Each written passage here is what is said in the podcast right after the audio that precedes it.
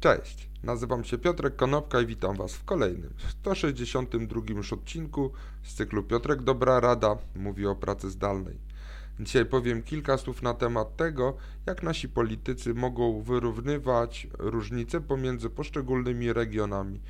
I możemy tutaj mówić zarówno o naszym kraju, czyli jak wyrównywać różnice między przykład Świętokrzyskim a Mazowszem, jak i możemy pomyśleć o wyrównywaniu takich różnic pomiędzy poszczególnymi krajami na terenie Europy albo nawet w skali całego świata. Przede wszystkim należy sobie odpowiedzieć na pytanie, czy zachodząca zmiana związana z pracą zdalną może takie nierówności regionalne wyrównać. Według mnie tak, ponieważ potężne siły związane z nową ekonomią i postępem technologicznym powodowały w ostatnich latach bardzo duży wzrost sił metropolii i upadek y, obszarów poprzemysłowych. Ale COVID spowodował nową zmianę, ponieważ ludzie mogą się wyprowadzić z tych zatłoczonych, przeludnionych, drogich miast do innych miejsc, ale mogą się przeprowadzić, zabierając ze sobą swoją dobrą i dobrze płatną pracę. W Stanach na przykład zaobserwowano taki trend, że zamiast mieszkać i pracować w Dolinie Krzemowej, ludzie pracują w Dolinie Krzemowej, ale przeprowadzają się właśnie do mniejszych miejscowości, takich jak na przykład Santa Maria w Kalifornii czy Burlington w Vermont. Burlington jest to miasto, które ma 43 tysiące ludzi, jest na południe od granicy kanadyjskiej i bardzo wiele osób tam mieszkających pracuje zdalnie właśnie w Dolinie Krzemowej. Więc jeżeli politycy chcieliby wyrównywać różnice w rozwoju różnych regionów, powinni zadbać o to, o co się tam, y, co się tam obecnie dzieje. Jest to taka zmiana, co do której można powiedzieć, że jest jedna na pokolenie. Ostatnia według mnie miała miejsce jakieś 40 lat temu, czyli w roku, w granicach lat 1980.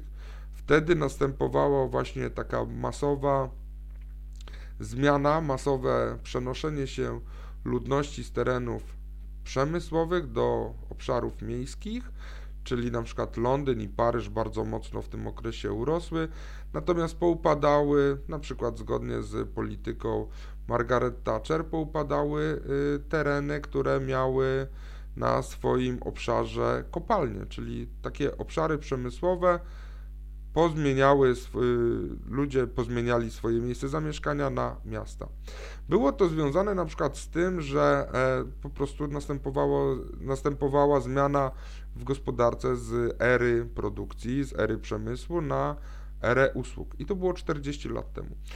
Obecnie działające programy zachęcające korporacje i przedsiębiorców do tego, żeby inwestowali w takich e, uboższych obszarach, są oparte na przykład o jakieś specjalne strefy ekonomiczne, albo też o y, to, że tam są niższe podatki, że zachęca się tych inwestorów y, właśnie środkami finansowymi, jakimiś niższymi opłatami, co do tego, żeby inwestowali da na danych terenach.